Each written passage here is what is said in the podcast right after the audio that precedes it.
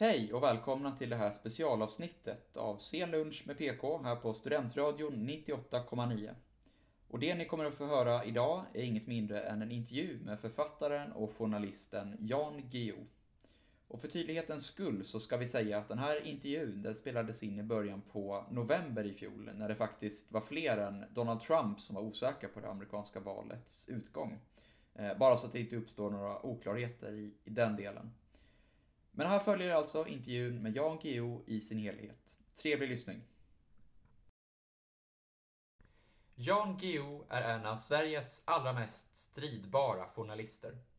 Hans karriär sträcker sig över mer än ett halvt sekel och omfattar bland annat Sveriges kanske största journalistiska scoop genom tiderna. Utöver sin journalistiska gärning har Jan Guillou också ett av Sveriges mest framgångsrika författarskap bakom sig med över 50 böcker publicerade. Bland annat barndomsskildringen Ondskan, Hamiltonböckerna, Arnsviten och 1900-talsskildringen Det stora århundradet. Jan Guillou är också en kontroversiell figur och hans hårdföra och enligt vissa buffliga debattstil har gett honom många fiender. Inte minst kvällstidningen Expressen, som enligt Geo själv har bedrivit en kampanj mot honom i över 50 år. Utöver sitt författarskap har Geo också hunnit med en hel del annat. Eh, bland annat har han suttit i fängelse och blivit anklagad för att ha varit agent åt sovjetiska KGB. Med sin senaste bok, som är den sista i hans skildring av 1900-talet, gör han upp med det årtionde som jag själv och många av er som lyssnar föddes under nämligen 90-talet. Jan Guillou, varmt välkommen till programmet. Tack så mycket. Vill du lägga till någonting i presentationen? Nej, jag tycker den var lång som den var. Eh, jag tänker innan vi börjar bara så ska vi se till att vi har ljudet avstängda bara på våra telefoner. Eh, så det, det kanske är avstängt hos dig också? Jag använder inte sån där telefon. Du använder inte mobiltelefon? Okej. Okay. Inte överhuvudtaget alltså? Nej. Du... Jo, i, i vissa jaktsammanhang. Men inte annars? Nej. Inga sociala medier eller Nej. sånt? Då? Nej. Förstår. Eh, men du har ju under hösten publicerat en bok med den, får man säga, ganska ödesmättade titeln Slutet på historien. Eh, kan du berätta för oss som aldrig har skrivit en bok, hur är känslan när man precis har skrivit klart de sista raderna i en bok? Det beror på vilken bok det är. Det är en väldig skillnad på bok 1 och 26. Eller 32 eller så. Ehm, jag kommer inte ihåg hur det var med den första boken, men då man, det var en roman så att då hade jag väl en känsla av att den kanske inte riktigt är färdig, måste göras om eller sådär. Långt senare som etablerad författare, då så vet man att ja, ja, det återstår en del tekniskt arbete. Men nu är det klart, nu kan jag dö. Det är en, en återkommande fantasi nämligen. Eh, att när man har en pappershög liggande som är nästan en decimeter tjock så är det en värdelös pappershög om jag inte skriver 25 sidor till. Eh, så fort jag skrivit de där 25 sidorna så kan boken ges ut. Eh, den tekniska efterarbetet kan andra sköta än, än jag själv, så, så då är det ingen fara. Men om jag dör nu så är boken värdelös. Och är det här den sista boken som du skriver, tror du? Eller får vi se fler? Det var en psykologisk upplevelse. Eh, en känsla av att jag skämtade innan att när jag skrivit sista meningen i den här serien så kommer jag falla död ner. Och när jag skrev sista meningen så blev jag nästan förvånad över att detta inte inträffade. Och, och sen har jag befunnit mig i en fem månader eh, lång eh, förvåning Eh, och tvekan. För att det har alltid varit så. Nå, alltid och alltid, men det har de senaste 35 åren varit så att när jag är färdig med en bok så vet jag exakt vad nästa bok ska handla om. Men det här var ett projekt som inte föreföll kunna bli klart. Eh, det är ett omöjligt projekt rent teoretiskt. Så jag hade liksom inga sådana där planer som jag brukar ha. Så att jag, nu börjar det växa fram en idé här. Så jag kommer ju naturligtvis att skriva mer i livet. Men, eh, kan du berätta något mer om, om de idéerna? Nej, för att det är så eh, vimsigt. Så att, och liksom, jag kan inte redogöra eh, klart och begripligt för vad, vad det handlar om. Men då ska vi tillbaka till nutiden i alla fall. Mycket spännande. Vårt fokus i det här programmet, det är ju annars frågor som rör svensk politik och samhällsdebatt. Men jag kan ändå inte låta bli att som hastigast ändå beröra valet i USA. Och när vi sitter här så är valet fortfarande inte helt avgjort än. Men vem tror du att vi får se som segrare? Ja, det är vem som får flest röster i valet och, eh, flest eh, elektorer. Eh, det är vid det här laget ingen tvekan om att det måste vara Joe Biden. Men vem som blir president är inte säkert. Alltså, bara för att man vinner ett val numera så är det inte säkert att man får, får, får komma till makten. För det här, här har vi framför oss en, lång period av konstrande antagligen från eh, Donald Trump och hans brigader av olika advokater som ska överklaga alla beslut och sånt där. Och i amerikansk ålderdomlig ordning så, så finns det magiska datum sådär, när saker och ting måste vara klara, annars gills det inte och sånt där. Ehm, eh, det är liksom, först ska eh, delstaten anmäl, officiellt anmäla sina elektorsröster och godkänna det interna valet. Som nu är överklagat förstås, beroende på hur det har gått i det. Och eh, sen så kommer ett datum efter, efter vilket inte det får förekomma no, några sådana framställningar. Och sen kommer ett datum när, eh, några månader senare, i januari, när presidenten ska eh, invigas. Eller sväras in, om man ska vara mer noggrann. Och här finns alltså ett myller av hinder och krångel, krångelmöjligheter.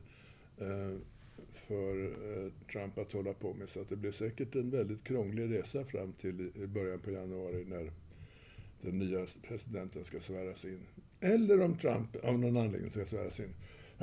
Därför att saken har gått till Högsta domstolen. Högsta domstolen har ju har republikansk majoritet. Och man är fullständigt oblyg i USA med att en domare inte är en domare utan det är en partimedlem som röstar eh, partipolitiskt i ideologiska frågor. Så det är valet vanns eh, av Joe Biden. Vem som blir president är ännu oklart. Och USA beskrivs ju idag som väldigt polariserat och flera amerikanska medier har ju liknat situationen idag lite med hur det var eh, vid valet 1968. Och jag tänker för oss som inte var med då när det begav sig eh, 1968, vad är, liksom, vad är grejen med det årtalet? Varför är det så viktigt? Ja, eh, om du tänker 1968 i USA. Eh, det är ju nästan kulmen på protesterna mot Vietnamkriget. Som var ett alldeles uppenbart orättfärdigt krig. Alltså, USA försvarar sig inte mot någonting utan det är av ideologiska skäl man tänker hellre död än röd. Så eh, det, det är ett eh, folkmordskrig i eh, Sydostasien som består i att USA med ofantliga resurser fäller napalmbomber över eh, försvarslösa byar. Det är huvudmomentet i det kriget. Och USA hade ju haft så goda erfarenheter av journalister i krig. Jag menar, alla journalister som var med i de amerikanska trupperna efter landstigningen i Normandie och sånt där var ju så, så att säga eh, pro-amerikanska. Så man trodde att man kunde släppa på journalister på samma sätt. Men i det här kriget eh, så framstod det som en oändlig nackdel för den amerikanska regimen. Och eh, det blev därför det sista kriget med fri journalistik ur amerikansk synvinkel. Därför att de som var eh, överstelöjtnanter eller löjtnanter eller kaptener i det kriget. De blev generaler när Irakkriget ska till några decennier senare. Och de hatar journalister. Precis, och du säger den amerikanska regimen, för det var väl verkligen så att USA var på många sätt huvudfienden om man tänker just vänsterrörelsen 1968? Ja, naturligtvis. De bedriver ett folkmord. Och eh, det räcker ju med att vara kristdemokrat för att vara emot folkmord. Om man ska se det eh, nu eh, 50 år efteråt i betydligt lugnare sinnesstämning.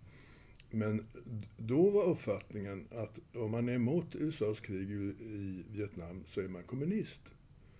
Eh, ni är med oss eller emot oss, alltså enligt den logiken. Och eh, jag var ju själv en sån här Vietnamdemonstrant i Sverige, här i Sverige. Kallade du dig kommunist under den här perioden? Ja, självklart. Det gjorde ju alla. Tage Erlander sa ju också att den som, eh, alltså statsministern då, att den som är emot USA är kommunist. Vilket ju är eh, bara en reflex från det kalla kriget där den generationen hörde hemma. Alltså, är man mot USA så är man mot allt eh, som är gott. Men eh, så Erlander kunde inte se det uppenbara, eh, nämligen att eh, det USA bedriver nu är ondska och imperialism. Eh, så han var övertygad om att man måste vara kommunist för att vara mot ondska och imperialism och vi blev också övertygade på den punkten. Eh, vilket ju sakligt sett var det onödigt. Just det. Och eh, jag tänker också så att den här vänsterrörelsen som växte fram under 60-talet, den har ju också jämförts en del med dagens klimatrörelse. Och jag tänker en ganska tydlig skillnad mellan dagens klimatrörelse och vänsterrörelsen på 60-talet, det kanske är att fienden på något sätt var mer tydligt definierad då. Det var ju så otroligt tydligt att det är USAs förehavanden som man opponerade sig mot. Medan klimatrörelsen idag kanske inte riktigt har en tydlig fiende på samma sätt. Så jag tänkte lite där vad du tänker. Ser du några liksom paralleller, likheter och skillnader mellan de rörelserna? Skillnaderna är ju tydligheten. Eh, om vi återvänder till årtalet 1968 så har alltså Europa tre fascistiska militärdiktaturer. Och nu är inte ordet fascism i det här sammanhanget något skällsord, slarvigt skällsord, utan det är en exakt beskrivning. Eh, Spanien eh, har en fascistisk diktator. Eh, Portugal har en fascistisk diktator och eh, militärregimen som har tagit över makten genom en kupp i Grekland är också fascistisk. Portugal bedriver tre samtidiga kolonialkrig i Afrika. Södra Afrika, eh, Sydafrika och, och eh, Rhodesia, som Zimbabwe hette då, eh, behärskas av apartheidsystemet. Över Vietnam faller bomberna eh, och Israel, som har varit en socialdemokratisk dröm, har just förvandlats till ockupationsmakt. Allt detta visas i TV. Därför att, eh, beroende på andra världskrigets erfarenheter. Så att eh, hela världen ser vad som pågår och detta är mycket tydligt. Alltså, kolonialkrig i Afrika är tydliga på TV, liksom Vietnamkriget och brinnande byar efter napalmattacker. Världen var väldigt enkel att begripa. Fienden var väldigt enkel att förstå, nämligen den som kommenderade fram eh, trupperna mot afrikanska frihetssträvande eller eh, Eh, beordrade flygplanen att eh, bomba. Nu håller världen på möjligen att eh, gå under på eh, ganska kort sikt på grund av miljöförstöringen som är en följd av slöseri med resurser som är en följd av koldioxidutsläpp. Men vem är fienden då? Ja, Donald Trump är naturligtvis en fiende i den meningen att kol är vackert, kol är fint, kol är nyttigt och kol eh, gör ingen skada. Vi ska gräva upp mera kol. Vi måste ha mera dagbrott i USA eh, för att vara självförsörjande på olja. Och de som talar om miljöförstöring, det är bara fake news. Eh, Donald Trump är en fiende. Men eh, för närvarande är en lame duck och eh, då finns det ingen tydlig fiende av det slaget kvar. Sen är det hela det ekonomiska systemet med en, en miljon direktörer som säger att kortsiktig vinst är viktig. Kvartalsrapporten eh, är viktig. Eh, det är väldigt dyrt att rädda världen så vi har tyvärr inte råd med, och tid med det just nu. Det är olönsamt att rädda världen. Och därför kan vi tyvärr inte stå till, till, till tjänst med den servicen. detta, detta är mera diffust. Man kan inte demonstrera utanför eh, en miljon direktörshem. Eh, det är inte lika lätt som den amerikanska ambassaden. Så det, det krig mot mänskligheten som nu är mera smygande utan direkt dödande är abstrakt på ett helt annat sätt än de bokstavliga blodiga krigen eh, som vi hade att protestera mot i min 68-generation. Precis, och Jag tänker också så här att det som hände med vänsterrörelsen, det får rätta mig om jag har fel, men det är väl lite att den övergick under 70-talet till att mer betraktas som någon slags särintresse, en subkultur lite grann. Att Ja. den blev allt mer marginaliserad. Jag vet inte, men vad skulle du säga? Jag tänker om man... Vänsterrörelsens död inträffar eh, den 1 maj 1975 16.30 på eftermiddagen. I den demonstrationen firar vi nämligen till vår bestörtning och förvåning vietnamesernas seger. Alltså militära säker, Det var inget sånt där mygel, dolkstöt i ryggen och intellektuella bla bla. Utan vietnameserna besegrade USA militärt. Och eh, så att första maj 1975 så har de intagit Saigon och de sista amerikanska helikoptrarna störtat i hav, eh, utanför i havet. Då är den stora frågan avklarad. Den största frågan är avklarad. Det som alla kunde enas om. Varje vettig människa måste vara eh, emot Vietnamkriget. Som dessutom förevisas på TV, så att det är ingen tvekan om hur Vietnamkriget ser ut. Det finns det inte längre. Då finns det ingenting att enas om. Var det som att luften gick ur rörelsen? Ja, ja nej, för då, då gäller det att hitta en, an, en andra fråga och det är inte lika självklart. Och, och sen gäller det att eh, vi hade mer eller mindre slentrianmässigt eh, sagt oss vara socialister. Men nu får vi börja fundera på vilket sätt man ska vara socialist på och det är inte lika lätt som att vara emot ett eh, Vietnamkrig. Och var landade du i den, det beslutet? Ehm, Jag, jag, var redan med i en extremvänsterorganisation. Men eh, två år senare så är jag utesluten av den på grund av högeravvikelser. Där ser man. Eh, Och bara där, om man tänker just klimatrörelsen, hur ser du på utvecklingen där? Vad tror du det kommer att sluta någonstans om vi då liksom jämför med 70-talets vänsterrörelse? Där säger du att det var ett väldigt tydligt slutdatum. Tror du det kommer, liksom, kan det bli på samma sätt? Nej, det kan det inte därför att eh, man kan inte säga eh, att nu, nu är räddningsprojektet igång. Alla i hela världen är eniga. Eh, Det är inte sannolikt att Kina och USA, som är de två största eh, nedskitarna i världen, kommer att finna skäl inom överskådlig tid att sluta med den hanteringen. Och om vi hoppar fram några år i tiden då, eh, så gör ju du tillsammans med Peter Bratt Sveriges kanske största journalistiska avslöjande genom tiderna. Eh, det som senare ska komma att kallas för IB-affären då. Och för, för oss som inte var med då när det begav sig, kan du bara berätta lite kort, vad, vad var IB-affären och varför, så, varför är den så otroligt omtalad? Därför att det finns två eh, olika sprängriktningar i IB-affären.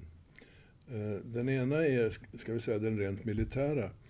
Därför att under hela eh, perioden av det vi kallar 60-talet eh, så var alla som var emot Vietnamkrig och liknande, eh, vänstern i bred mening, utsatta för Eh, en krigföring från Säkerhetspolisen och också underrättelsetjänsten som gick ut på att försöka förvandla oss till terrorister.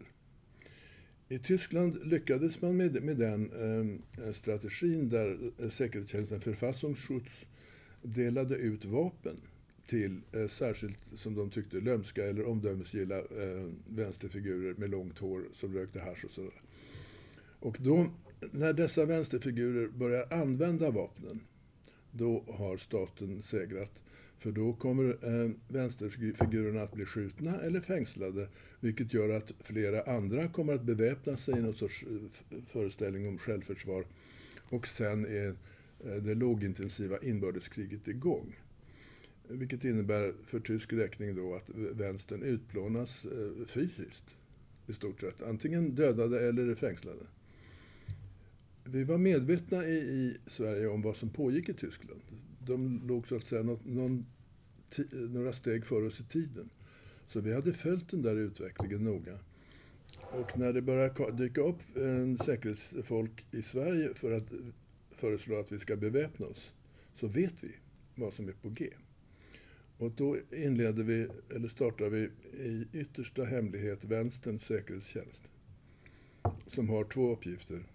Det ena är att avslöja infiltratörer från, från staten.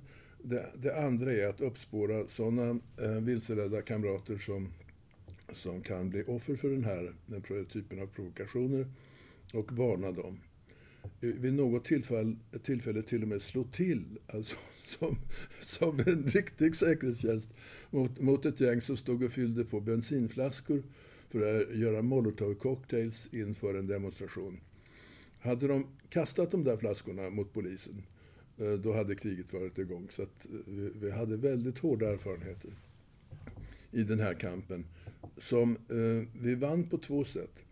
Det ena var att Sverige och Norge, beroende på att norsk och svensk vänster vid den här tiden hade så väldigt nära kontakter, ehm, jag var själv utsedd som en sorts säkerhetsansvarig att tala med norska kamrater om hur vi byggde upp vår säkerhetstjänst och, och vad farorna bestod i, vad de tyska erfarenheterna hade lett oss till för slutsatser och sånt där. Sverige och Norge blev alltså de enda västeuropeiska länder där det inte uppstod någon form av vänsterterrorism. Och det berodde på det här eh, intensiva säkerhetsarbetet. Men den, det räckte inte med det tyckte vi, utan eh, vi ska döda dem. Alltså, eh, det, här, det gäller dem eller oss, för att de kommer inte att ge sig. Men vi, så vi ska döda dem. Alltså eh, symboliskt. Och ironiskt nog med demokratins finaste vapen. Yttrandefrihet och tryckfrihet. Eh, så, all right. Eh, vi vann det, den militära delen. Vi fick, vi, vi, alltså den här hemliga underrättelsetjänsten IB eh, dog eh, när vi kunde publicera eh, allt det, det, material vi hade samlat in om dem. Det, det, här är den ena striden. Den andra är mera samhällelig och handlar om synen på journalistik. Eh, därför att under kalla kriget så var den svenska journalistkåren övertygad om att i skarpt läge så är man nationalist på något sätt. Man företräder då staten alla spionrättegångar under kalla kriget, en del av dem eh, fullkomligt groteska, som eh, den påstådda Enbomsligan, där ett flertal eh, personer döms på orimliga grunder för ett spioneri som aldrig har ägt rum.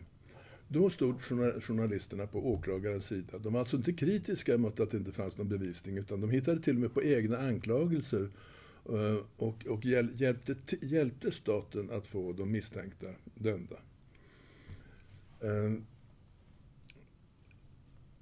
Tänker det, det Följaktligen så kommer det att uppstå en väldig konflikt mellan den äldre generationens journalister, sådana som jag är nu, och, eh, och vi som var unga som eh, med amerikanskt föredöme hävdade att eh, vi företräder inte staten. Vi företräder allmänheten och eh, läsarnas intresse. Inga andra. Vi har inga andra obligationer än det. Det är den enda lojaliteten då ni har alltså, ja. gentemot läsare? Ja. Eh, det var den yngre generationens inställning i konflikten medan den äldre sa att i vissa skarpa lägen företräder vi faktiskt staten. Man ska ha en sak klar för sig nu. Den här eh, diskussionen pågår samtidigt som Watergate-affären i USA. Vilket betyder att den borgerliga pressen, framförallt i Sverige, blir fullständigt schizofren. De var full, de, eh, Woodward och Bernstein i Washington Post var deras hjältar. Men inte Bratt och Guillou. Utan Bratt och Guillou skulle de gärna se i fängelse, men inte Woodward och Bernstein. Så när vi sen hamnar i fängelse så kommer en del av de här och ni hamnar i fängelse för att ni... Avslöjade, ja, avslöjade socialdemokratins eh, egen spioneriverksamhet. De blev kränkta av det. De tyckte inte, liksom eh, den äldre eh, journalistgenerationen då, att så, eh, sånt ska komma i tidningen. Och då måste man eh, eh, åstadkomma ett varnande exempel. Och vi kan bara förtydliga det lite grann också. Det var alltså en socialdemokratiskt sanktionerad underrättelsetjänst ja. egentligen, som, som riksdagen inte heller kände till. Nej, riksdagen eh, var förd bakom ljuset. Det var bara partiet och eh, var utvalda militärer som, som organiserade den här spionverksamheten. Eh, och det är ett eh, system som eh, inte har förekommit i något annat västerländskt land, utan det, det är ett sovjetiskt system. Alltså att eh, säkerhets och underrättelsetjänsterna en maktfaktor, partiet en, en annan och armén en tredje. Det är de tre maktdelarna i Sovjetunionen. Och du tror att IB var unikt i I västvärlden, Att det- ja, utan tvekan. För det var en partiorganisation av, eh, som, och det, det fanns bara i Sovjet och motsvarande länder. Så det, när, när jag sitter inför Pontius Pilatus tillsammans med Peter Bratt så ser jag ju på journalistbänken i de sektioner som var öppna att där sitter de här gamla jävlarna som, som skrev om Enbom och sånt. Och mycket riktigt så blir det samma typ av journalistik i Dagens Nyheter exempelvis. som det alltid hade varit. Men den här diskussionen, eh, eller journalistiska striden, den vann vi. Och det gjorde Woodward och Bernstein i USA också. Eh, fast de, de fick Pulitzerpriset, men inte, inte fängelse. Men striden vann de, så liksom vi gjorde det. Och eh, därefter inträder i eh, svensk journalistik en period som man skulle kunna kalla frihetstiden med de här nya idealen i, i, som ledstjärna. Medan eh, vi idag eh, har övergått till att vi ska inte längre tjäna staten men vi ska tjäna kapitalet istället. Och, och det som också var så påtagligt då, det var väl att det var total förnekelse från början från Socialdemokraterna Ja, ja. att det här ens Ja. förekom. Och det, det var väl också samma sak under Geijeraffären, eller hur? Att Palme ville liksom inte kännas vid överhuvudtaget att det här liksom var... var Nej, Palme trodde att man kunde dementera och ljuga sig um, ur vilken knipa som helst. Och, och vid ett flertal tillfällen lyckades han ju med det. På kort sikt också med Geijeraffären.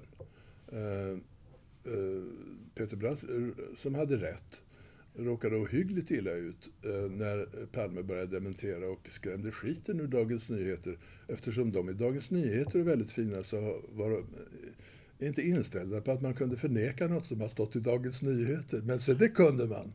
Just det. Och de gör en, en total reträtt då, Dagens Ja, Nyheter. rullar och- sig i aska och fjäder, eh, betalar ut ett symboliskt skadestånd till Lennart Geijer i form av ett stipendium för förkovran av undersö- unga undersökande journalister. Just det.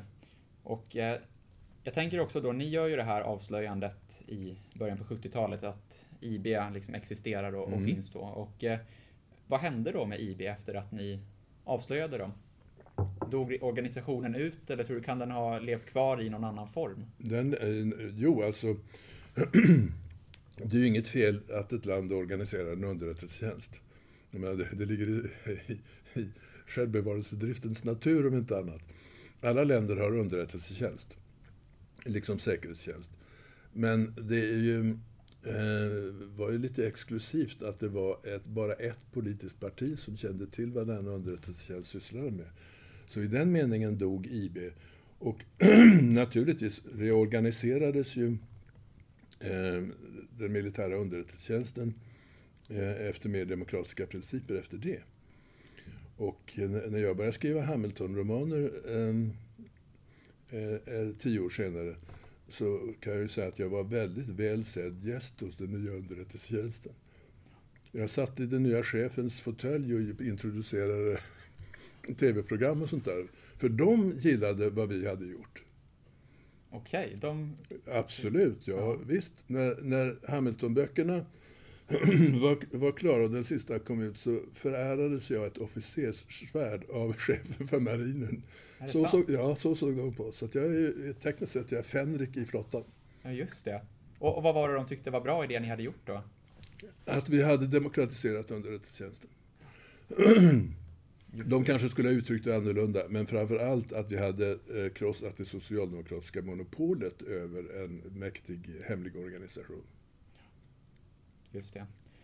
Och jag tänker, finns det anledning att, att tro att det skulle kunna pågå underrättelseverksamhet av, av den kaliber vi såg då? Att Liksom, skulle det kunna ske i vår demokrati i Sverige idag? Ja, det sker, men nu är ju fienden muslimer och eh, utsätts för eh, samma övervakning som vi i vänstern på den tiden, fast idag med mera tekniskt eh, kvalificerad utrustning. Men du tror att det sker kanske i, kan det vara i samma utsträckning som under IB-affären på 70-talet? I större utsträckning för att vi har en, en dubbelt så stor säkerhetstjänst idag, Säpo alltså, som vi hade under kalla kriget. Så den nya fienden eh, ägnar större resurser än vad man ägnar åt att jaga kommunister eller påstådda kommunister eller vänstersossar eller djurvänner eller vad man nu betraktar det som fienden. Så det är bara en tidsfråga då innan vi får se det knäcket när en journalist avslöjar kanske då att... Eh, det, är svårare, det är svårare nu eftersom vi har att göra med, med ett eh, eh, språkligt problem som inte fanns då. Eh, fienden idag talar eh, arabiska eller kurdiska eller farsi eller någonting sånt. Och det betyder att för telefonavlyssningsfunktionen så, krävs en väl, eh, så blir det, uppstår en väldig propp i systemet för att eh, man har en eh, översättningsfunktion eh, som eh, måste sortera i det där materialet. Sen måste man också använda sig av infiltratörer. Eh, agent, Säpo-agenter fast med kurdisk, eh, arabisk identitet förstås som ska infiltrera de här organisationerna, vilket förstås är ett eh, utomordentligt farligt jobb. Eh, jag vill påstå att två sådana agenter har dödats därför att eh, Säpo angav dem eh, för sin fiende. Vilket beror på rekryteringslogiken. Alla som söker politisk asyl i Sverige, här kommer det flyktingar, kurdiska flyktingar från Iran, eller Turkiet eller Syrien ehm, ska försöka framställa sig själva så politiskt som möjligt i de första förhören med immigrationspolisen såklart. De ska övertyga eh, eh, denna eh, immigration officer om att jag är så politiskt aktiv att jag blir dödad om jag blir skickad tillbaka. Vad nu denna flykting inte vet att det där kommer att gå i kopia till Säpo. Så nästa gång han hamnar och har gett polisförhör så är det lite ett hårdare bud. Du tror att det är den vägen nej, informationen vet, går? Nej, jag tror inte. Jag vet. Så här eh, måste, måste de gå, gå tillväga i många fall. Ahmed, vi ser här att du har en fru och, två barn i Diyarbakir. Jag antar Ahmed att du gärna skulle vilja att de fick komma till Sverige?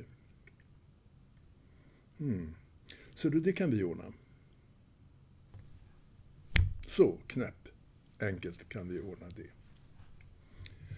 Men eftersom du är en sån eh, politiskt erfaren person som framgår av handlingarna här så förstår du också att tjänster måste ersättas med gentjänster. Ahmed har att välja på att säga nej och bli utvisad.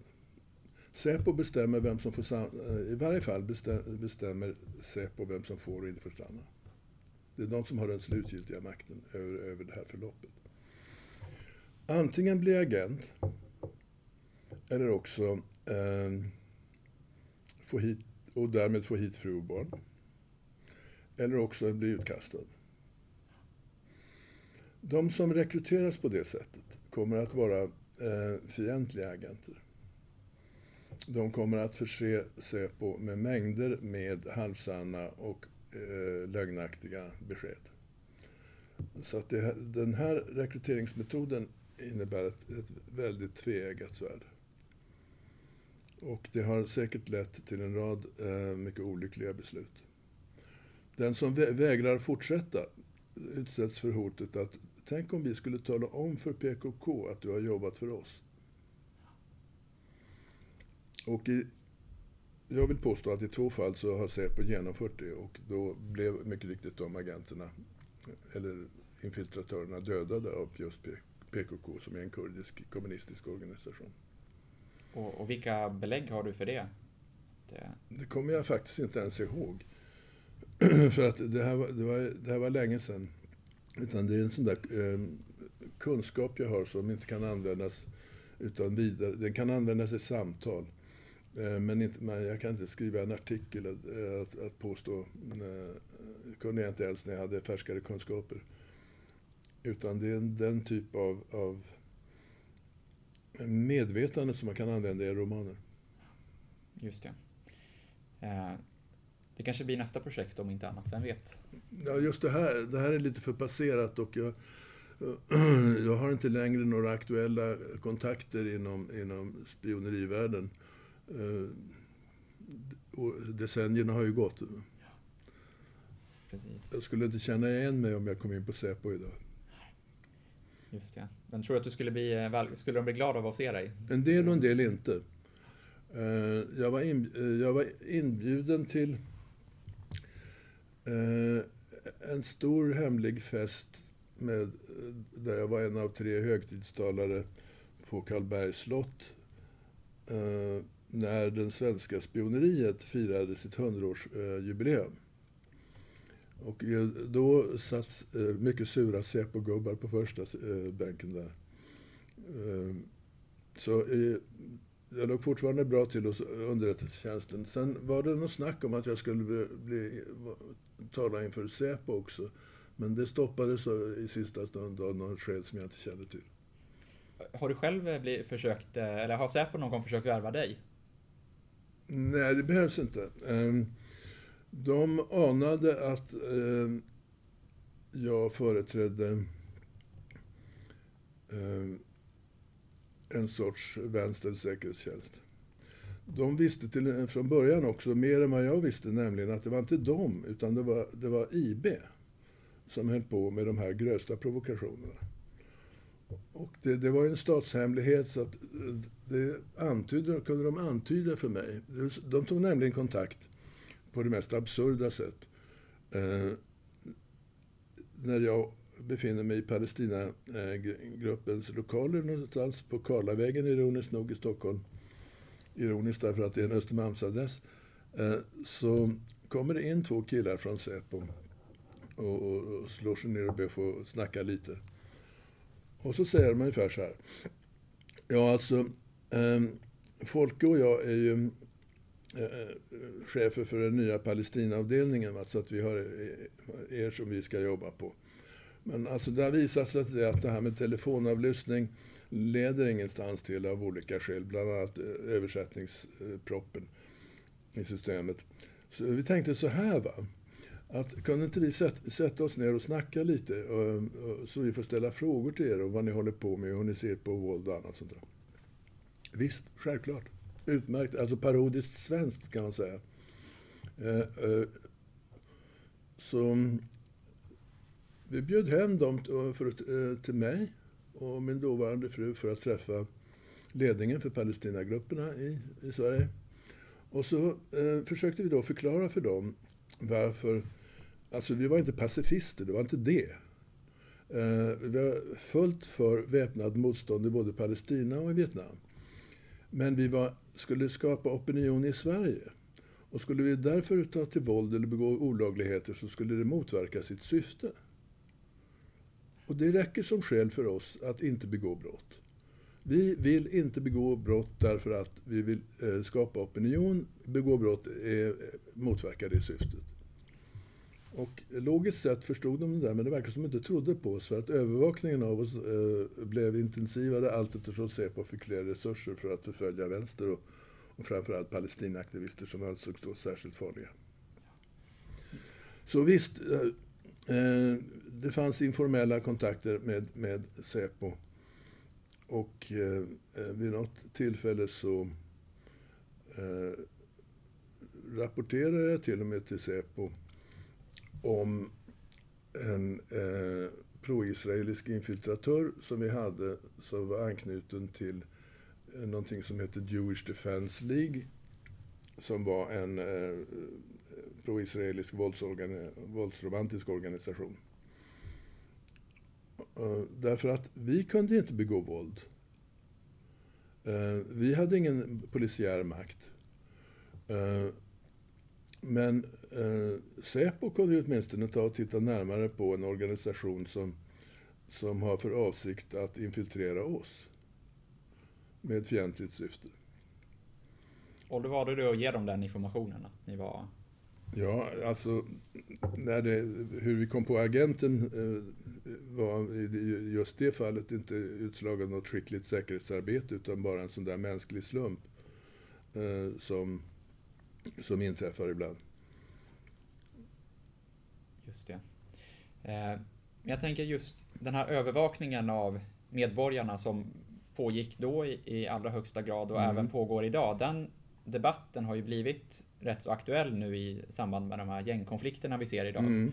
Och det finns ju förslag från Moderaterna till exempel att man ska kunna eh, avlyssna gängmedlemmar utan någon konkret brottsmisstanke. Det är ett förslag som har diskuterats rätt Ja, mycket. det, Vad det- tänker du kring, kring det? För jag Jo. tänker att det, det är en intressekonflikt här på något sätt mellan att kunna på något sätt lösa de här gängproblemen vi ser och beivra de brotten Mm. och medborgarnas integritet. Jag tänker, hur ser du på den avvägningen? jag ser att, att eh, det som var eh, legal verklighet i Tyskland 1975 nu först eh, börjar dyka upp i Sverige. Då fanns det en lag till exempel mot medlemskap i illegal förening. Att det i sig var brottsligt. Eh, och det kunde leda till ett yrkesförbud och det kunde till och med leda till fängelse att vara medlem i en or- eh, illegal organisation. Och nu ehm, är det ju åtminstone två riksdagspartier som har föreslagit den lagstiftningen i Sverige. Idag läste jag, ehm, igår eh, läste jag i någon av tidningarna hur som Ebba Busch, den lilla olyckan, eh, vill att man ska kunna sätta fotboja på misstänkta personer. Nu ska vi tänka efter vad hon, vad, vad hon nu menar. Fotboja finns redan som en påföljd i strafflagstiftningen. Det kan vara ett alternativ till fängelse och sådär. Men det gäller dömda personer. Men miss, vad är misstänkta personer som inte är dömda? Och vem ska avgöra graden av misstanke förutom Ebba Busch själv antar jag? Eh, Det, det är alltså tankegångar som är eh, djupt antidemokratiska. Eh, som eh, man får gå till Tyskland på 70-talet i ett desperat läge. Tyskland var upp och nervänt av det krig mot terrorism man bedrev då. För att hitta en motsvarighet till. Samtidigt så menar ju många att alltså andra länder, exempelvis Danmark då till exempel, som har vidtagit mer av de här liksom repressiva, kanske enligt vissa Mm. auktoritära metoderna, alltså visitationszoner och sånt, att de ändå Mm. har gett effekt där och att det har liksom gett resultat. Ja, Jo, men då, då på grund av det eh, den mediehype som omger eh, kriminell, konventionellt kriminell verksamhet. Invandrargäng som skjuter varandra i, eh, antingen på grund av att de har förolämpat varandra eller att det har blivit en vana eller att man konkurrerar om en knarkmarknad eller någonting sånt. Eh, det är ju konventionell brottslighet. Eh, men, men med terroristlagar som alltså undergräver demokratin eh, så kommer man inte så mycket åt de kriminella som om att man skapar eh, ett övervakningssamhälle. Eh, som inte är så kul. Det har skrivits som bekant en del skräckromaner på det temat. Från Aldous Huxley och framåt. Eh, Så det, det, det är fantasilöst att tro att, att eh, kampen mot terrorismen eh, underlättas av att man eh, skapar, alltså att skapa antidemokratiska lagar för att skydda demokratin. Vilket man sysslar med är en, är en självmotsägelse. Vårt försvar mot terrorism är just demokrati. Eh, terroristerna kan skapa, eh, åstadkomma viss skadegörelse. De kan till och med åsamka oss vissa förluster i människoliv och skadade. Naturligtvis inte lika mycket som trafiken eller, eller så. Men, men vissa förluster som, som eh, medialt anses oerhört mycket viktigare än andra mänskliga förluster. Och det skapar i sin tur en politisk stämning som, som eh, bereder marken för eh, lagstiftning som bara egentligen hör hemma i diktaturer. Vårt försvar är demokratin. Det är det enda de absolut inte kan skada. De kan inte, alltså, om de spränger några hus, ja det är förfärligt. Men de, de kan inte få oss att ändra politiskt system med det sättet. Men vi kan göra det själva. Så att den, den inre fienden i så att säga, Kristdemokraterna ser jag så mycket större eh, politisk fara än, än eh, den eh, rätt förvirrade terroriströrelsen i världen. För du pratar ju lite på något sätt om ett sluttande plan kanske då just när det gäller terroristlagstiftning. Att Ja, Kanske också då att man vidtar en åtjärd och då känns det okej att vidta någonting ännu mer liksom, och, och den, auktoritärt. den skapas för en fiende. Jag menar om vi eh, ser bakåt här. På 60 och 70-talet så var det jag och mina kamrater som var fienden. Så eh, över, eh, krav på avlyssningsregler och sånt där eh, gällde då eh, jakten på Vietnamdemonstranter kan man säga. Sen bytte man till araber. Därför att ara, eh, palestinska terrorister kapade flygplan och sånt där. Och eh, sen har man eh, bytt till muslimer, eh, vilket är någonting annat än araber eller palestinier. Så att fienden för den här typen av eh, övervakningssystem eh, varierar. Eh, så eh, om vi inför de här lagarna så står det inte i lagen att obs, detta gäller bara muslimer. Eller obs, detta gäller bara brunhåriga med svart hår. Det står ju inte. Så en vacker dag kan man använda det mot frimicklare eller mot vem som helst som staten plötsligt, eh, när de byter fiende nästa gång. Men jag tänker, ja precis. Men de här farorna som du lyfter fram med sån här lagstiftning, är de farorna likadana när det gäller gängbrottslighet? Eller är just terrorismet eh, någonting särskilt i, just i det avseendet? Ja, terrorismen är ju mycket mer avancerad. Gängbrottsligheten är inte så sofistikerad.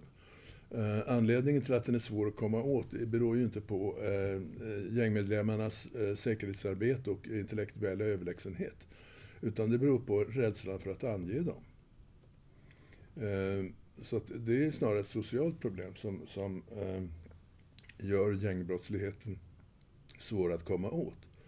Just det, men jag tänker just riskerna med sån här mer övervakande lagstiftning, att man på mer godtyckliga grunder får övervaka Ja. folk och så vidare. Är de riskerna mindre om man implementerar dem, tror du, när det gäller gängbrottslighet än i terrorism? Nej, men för att när man... ehm, det spelar ingen roll vilken fiende man utser när man inför sådana här lagar, för den kan i ett annat politiskt skede användas mot vem som helst. En, en allmän erfarenhet är att när sådana här lagar har införts så, så kommer det liksom aldrig tillbaks. Vi har haft en tillfällig terroristlagstiftning eh, som har förnyats år efter år från, från eh, 1975, från någon eh, kroatisk flygkapning eller något sånt där. Så eh, sådana här lagar har en tendens att bita sig fast, bita sig kvar i systemet. Mm. Just det. Och du tar ju upp det också med eh, på något sätt den här utvecklingen vi har sett att huvudfienden, USAs huvudfiende har gått från att vara mm, på något sätt eh, kommunismen och, och vänstern till att Mm. mer handla om eh, islam då, islamismen. Ja. Ehm, och det är också det som du berör en hel del i din bok, eh, som ju skildrar Mm. eh, 90-talet kan man säga. Ja. Ehm, vad är det med 90-talet som är så intressant? Vad är det som sker? Det som sker på 90-talet och, och, förändrar hela spelbrädet är att eh, Sovjetunionen kollapsar 1991 och därmed eh, satellitstaterna i Östeuropa som system. Jösses, fienden finns inte längre. Det som var eh, liksom världens stabilitet i gott och ont, svart och vitt, eh, där det ju rådde en, en eh, perfekt eh, balans, den som kallas terrorbalansen. Terrorbalansen funkade faktiskt. Eh, under det kalla kriget så blev det inget stort krig. Eh, men nu är Sovjetunionen borta och då uppstår en obalans. Warszawapakten, alltså, eh, som är då östsidans eh, motpart till NATO. Warszawapakten avvecklas. Eh, 1991-92 ungefär. Och då uppstår frågan, då behövs alltså inte NATO?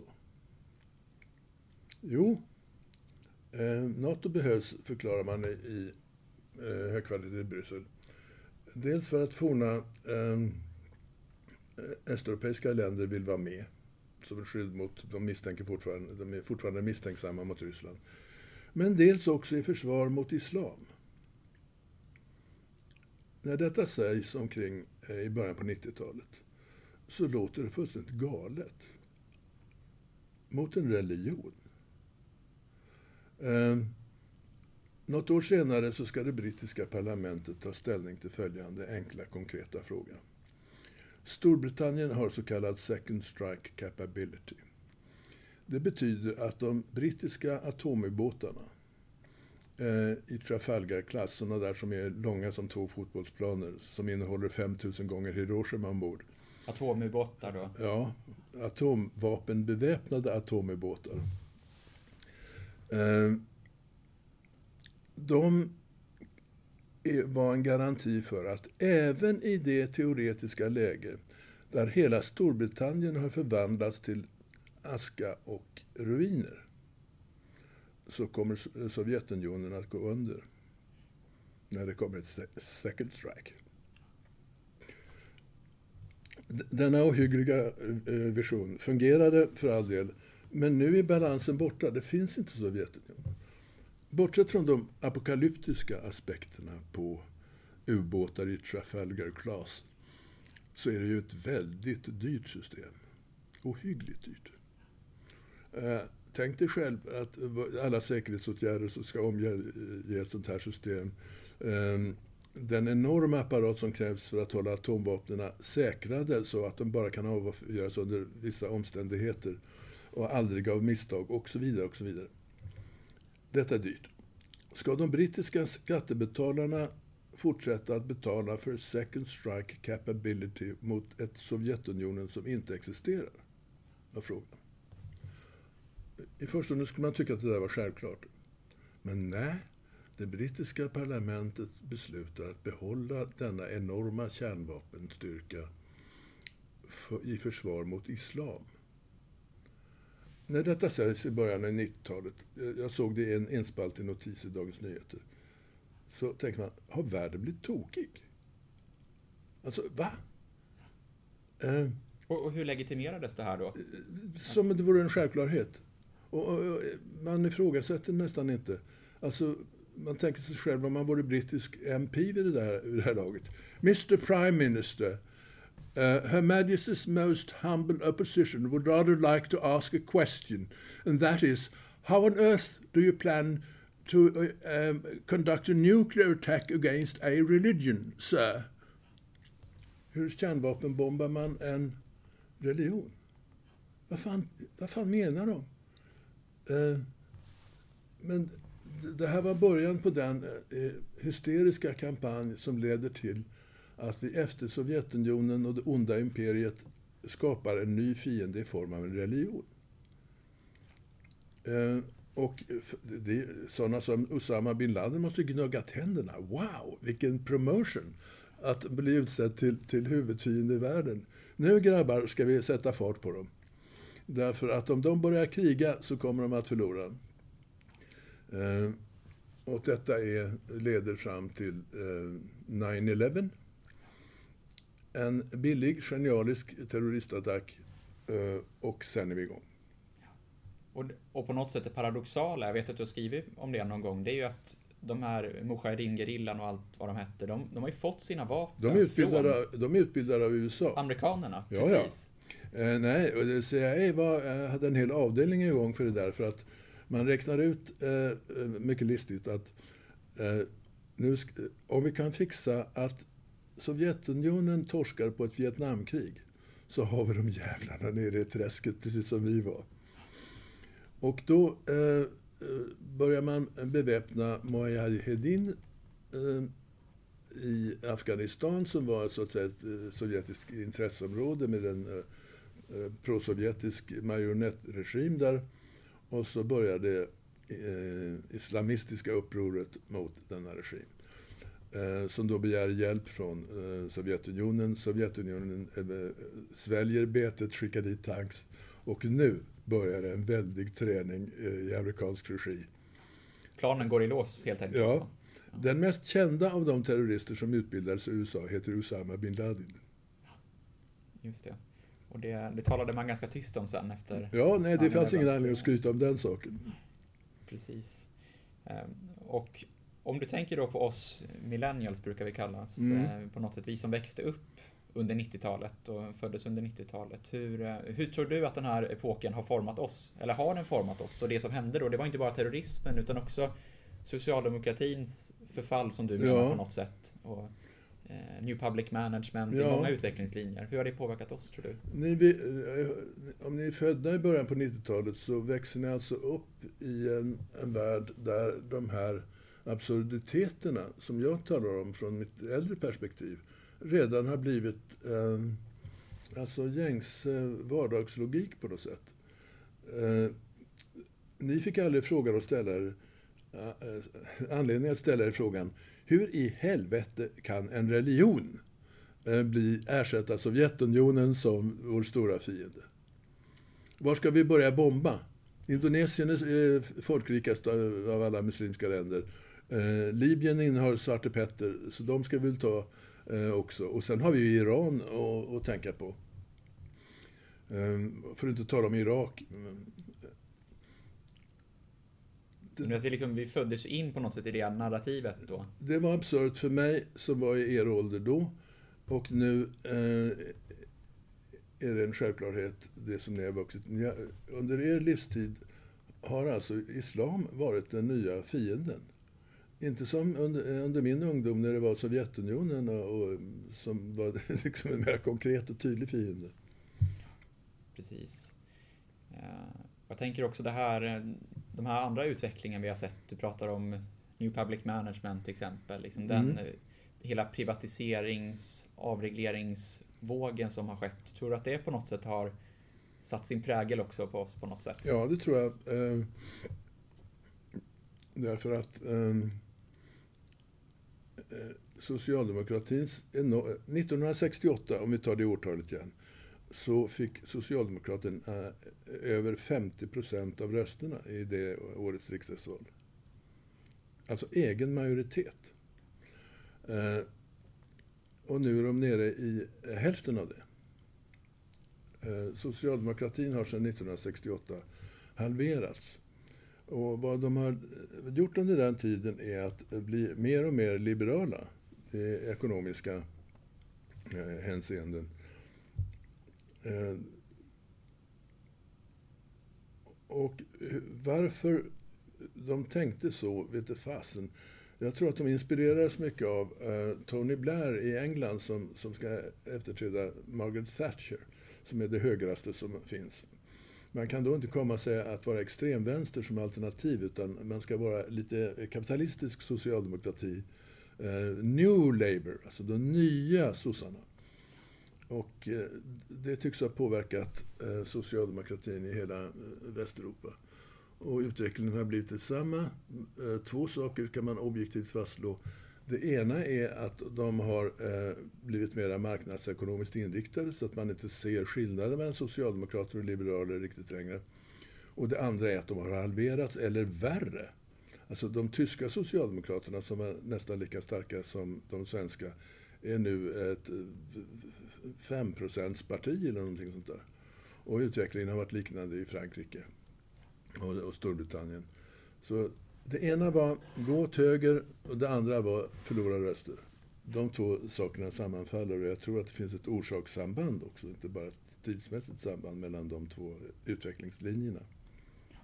Samtidigt så skulle, skulle man fråga Göran Persson till exempel, som väl på många sätt drev den här utvecklingen mm. i Socialdemokraterna mm. före dem ja. mot mitten, så skulle väl han kanske hävda att det var, det var en nödvändighet givet det, den samhällsutveckling ja. vi såg då. Det gick inte längre att ha de här regleringarna som Nej, man kan inte ha regleringar. Man kan inte vara socialist och man kan inte hindra Uh, har man förmögenhetsbeskattning så smiter bara kapitalisterna med sina förmögenheter och då får vi ett kapitalutflöde i Sverige som inte är lönsamt. Vilket alltså är ett ekonomistiskt sätt att resonera och då har man lämnat ideologin, den socialdemokratiska ideologin och då är man manager för ett, det nya, socialdemokratiska, nya socialdemokratiska företaget. Just det. Precis, men, eh, men om man tar det där just med förmögenhetsskatten, det var ju en så otroligt symboliskt viktig reform på något mm. sätt eh, som mm. socialdemokratin faktiskt avskaffade ja, oh ja. i mitten på 00-talet. Kan det ändå inte finnas en poäng i det argumentet som de hävdar då att förmögenhetsskatten kanske rent av minskade skatteintäkterna för att kapitalet flyttade utomlands. Så man hävdar ju samma sak med värnskatten då att en avskaffad värnskatt kommer att öka arbetsutbudet och det kommer göra att fler löntagare håller sig kvar i, i Sverige och att vi då liksom kan öka skatteintäkterna till ja, välfärden. Det där, det där senare eh, förstår ju alla är skitprat. Varför det? Jo, nej, nej, alltså, skulle kapitalisterna fly ur Sverige därför att man tar bort, eh, återinför värnskatten. Eh, jag är själv höginkomsttagare och eh, jag, skulle inte, jag märker inte om man sänker min skatt igen med några procent. Jag är inte beroende, liksom någon av höginkomsttagarna i Sverige, av en värnskatt hit vi, vi bestämmer vår skatt själva i stort sett. Vad man tycker är lagom är efter sin egen moral. Jag är ovanlig inom den procent av befolkningen jag tillhör, för jag anser att 75 procent är lagom i mitt fall. Jag tror inte att så många höginkomsttagare tycker att det är lagom. Och då betalar de mindre än så. Eh, värnskatt? Äh, eh, det, det märks inte, det har ingen betydelse. Utan det, det, har bara den betydelsen att det är en ideologisk fråga för eh, liberaler och centerpartister att man ska inte beskatta rika människor. Därför rika människor är nyttiga. Och skapar mer jobb, bla bla. Men du ger inte mycket för den argumentationen? Nej, verkligen inte. Um, slutligen då, jag tänker att vi ska börja runda av lite grann. Jag tänkte att vi ska göra ett litet tankeexperiment. Om du och jag skulle byta plats, om du liksom återigen skulle vara i, i 20-årsåldern med de konfliktlinjer och den, eh, de utmaningar vi ser idag. Eh, hade du då gjort samma val av utbildning och väg i livet som du valde att gå då i, i mitten på 60-talet? Om du hade fått välja om? Ja, eh, åtminstone när det gäller universitetsutbildning. Eh, För du började ju läsa juridik. Jag började läsa juridik. Eh, på den tiden eh, behövde man minimigodkänt för att komma in på juridiska eh, fakulteten. Alltså att precis ha klarat sin eh, studentexamen. Eh, idag ser det annorlunda ut, men jag hade kommit in på juridiken idag. Så att jag hade eh, med stor sannolikhet gått in i juridiken för att Förutsatt nu att jag hade samma politiska inriktning, vilket inte är så san eh, eh, helt sannolikt. Men om vi säger det. Jag är en vänsterperson i nutiden. Jag är 20 år och jag ska välja utbildningslinje i, i eh, universitetsframtiden. Jag har tillräckliga betyg för att läsa juridik. Okej, okay, det blir det. Och sen eh, kommer jag att kunna använda eh, mina juridiska kunskaper till bland annat att arbeta med miljörörelsen. Du, du ser inte någon statsrådspost framför dig, att du skulle blivit justitieminister? För det, det, har jag ofta tänkt med dig sådär, att du är otroligt stridbar och du har åsikter och mycket och mm. du har liksom en, en skicklighet att och debattera. Och du, men varför har du aldrig liksom gett dig in i, i partipolitiken? Det har jag. Jag har haft en erfarenhet från 60-talet att vara med i någonting som heter Sveriges kommunistiska parti. Är det samma SKP som finns kvar idag? Ja. Och, eller om de finns kvar. jo, det, de finns kvar. Ehm, men eftersom jag samtidigt skulle vara eh, journalist, journalistiken skulle vara ett, ett, ett vapen för en bättre värld så, så är, visar det sig att om man är partimedlem, och det här gäller inte bara ett kommunistiskt parti, det gäller nog alla partier, så har man en, partikamrater hängande över axeln på en som säger det där, så där kan man inte skriva, det där slår fel, det där får inte rätt, det där ska vi inte tala om, vi ska trycka på den saken istället. Eh, kort sagt, eh, de eh, principer eh, för journalistik som Lenin skisserade redan år 1905 i en bok som heter Sto, Sko Gerach, Vad bör göras?